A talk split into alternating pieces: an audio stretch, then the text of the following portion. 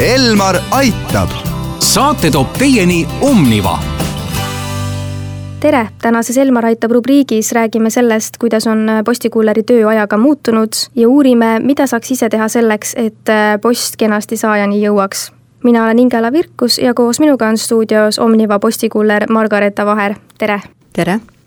vaatasin töökuulutuse alt, et mida tavaliselt postikulleriks soovijalt oodatakse. põhiline, mis seal siis välja paistis, oligi see, et postikuuler peaks arvestama sellega, et töö algab kell kuus, tegemist on liikuva tööga ja see oli praktiliselt kõik. kas postikulleriks võib siis saada igaüks? no ikka jah, kellel on ikka autojuhiload ja kellele meeldib või tahab nagu hommikuvara üles tõusta ja, ja niimoodi päeva veeta. Seal oli välja toodud ka see, et postikuller võiks olla täpne, kiire ja hea suhtleja, kui palju seda suhtlemist reaalselt töö käigus siis ette tuleb? ikka tuleb, päris palju. kellele pakk, pakke ikka viia ja tuleb kliendiga suhelda. aga äh, levinud on arusaam, et postikulleri töö ongi lihtsalt äh, postisaajani toimetamine, kas see peab paika? peab küll, jah. aga kirjeldage oma igapäevast tööd. Mis kell see mm. algab teil ja kuidas see täpsemalt välja näeb? viidki ajalehti või ajakirjad, väiksed pakid, kirjad ja tähitud kirjad ja no mina lähengi kuskil niimoodi seitsmeks tööle, sorteerin järjekorda, kui on näiteks ajakirjad päeval või noh, sellel päeval tulnud, siis peame nagu ajakirjade peale kirjutama aadressi ja siis paneme sõidujärjekorda ja, ja siis tulebki ringi peale minna ja, ja siis hakata sõidujärjekorras neid laiali jaotama. Kui palju see tavaliselt, äh, see ettevalmistus äh, aega võtab? no ikka võtab päris palju, kui on ikka väga palju neid pakke ja kirju, siis on hommikuti ikka kaks tundi ikka läheb, enne kui välja saab.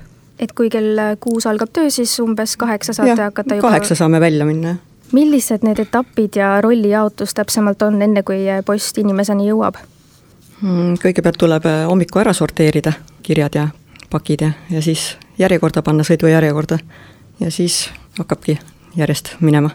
ja seda kõike teeb siis äh, postikuuler? ja, ja kõik üks kuidas postiteenus ajaga muutunud on, et kas kirju saadetakse ikka aktiivselt või on suurem koormus just selle arvelt tulnud, et äh, tuleb palju Hiinast tellitud kaupa saajateni toimetada?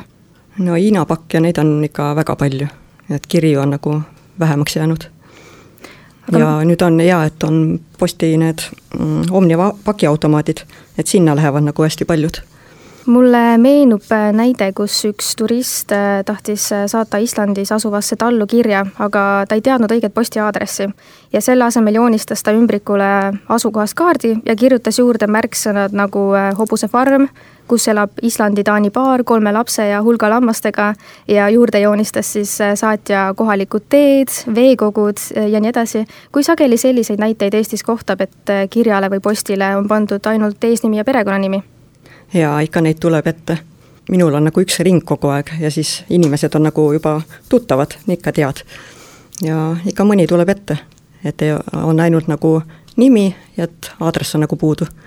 kas meenub veel mõni, mõni võib-olla selline sarnane olukord, kus on äh, pandud siis võib-olla mitte ainult eesnimi ja perekonnanimi, aga lihtsalt tädi, tädi Tiiule? Äh, vanaemale näiteks no. vanaema ja siis on perekonnanimi ainult ja siis sai kätte vähemalt ja tänu vähemalt pere, perekonnanimi oli olemas. tänu sellele sai siis kätte, et te ja. kohalikena juba teate seal oma kandi rahvast? jaa, kindlasti. aga mida saab inimene ise selleks ära teha, et saadetis kenasti saajani jõuaks? selleks tulebki hästi täpselt kirja panna, et mis linn ja tänav ja, ja kindlasti inimese nimi ka ja kindlasti. ja indeks, indeks on kõige tähtsam. ja kindlasti on vaja ka saatja aadressi. saatja jah, et jah, et tagasi saata näiteks kui ei ole, kas on ära kolinud kuskilt või. mis juhtudel veel äh, pakid tagasi saadetakse või kirjad mm,? kas ongi, on ära kolinud teise kohta või, või ei ole täpne aadress, aga enamuse ikka lähevad kohale aitäh kuulamast, mina olen Ingela Virkus ja koos minuga oli stuudios Omniva postikuller Margareeta Vaher. aitäh saatesse tulemast! aitäh! Elmar aitab saate toob teieni Omniva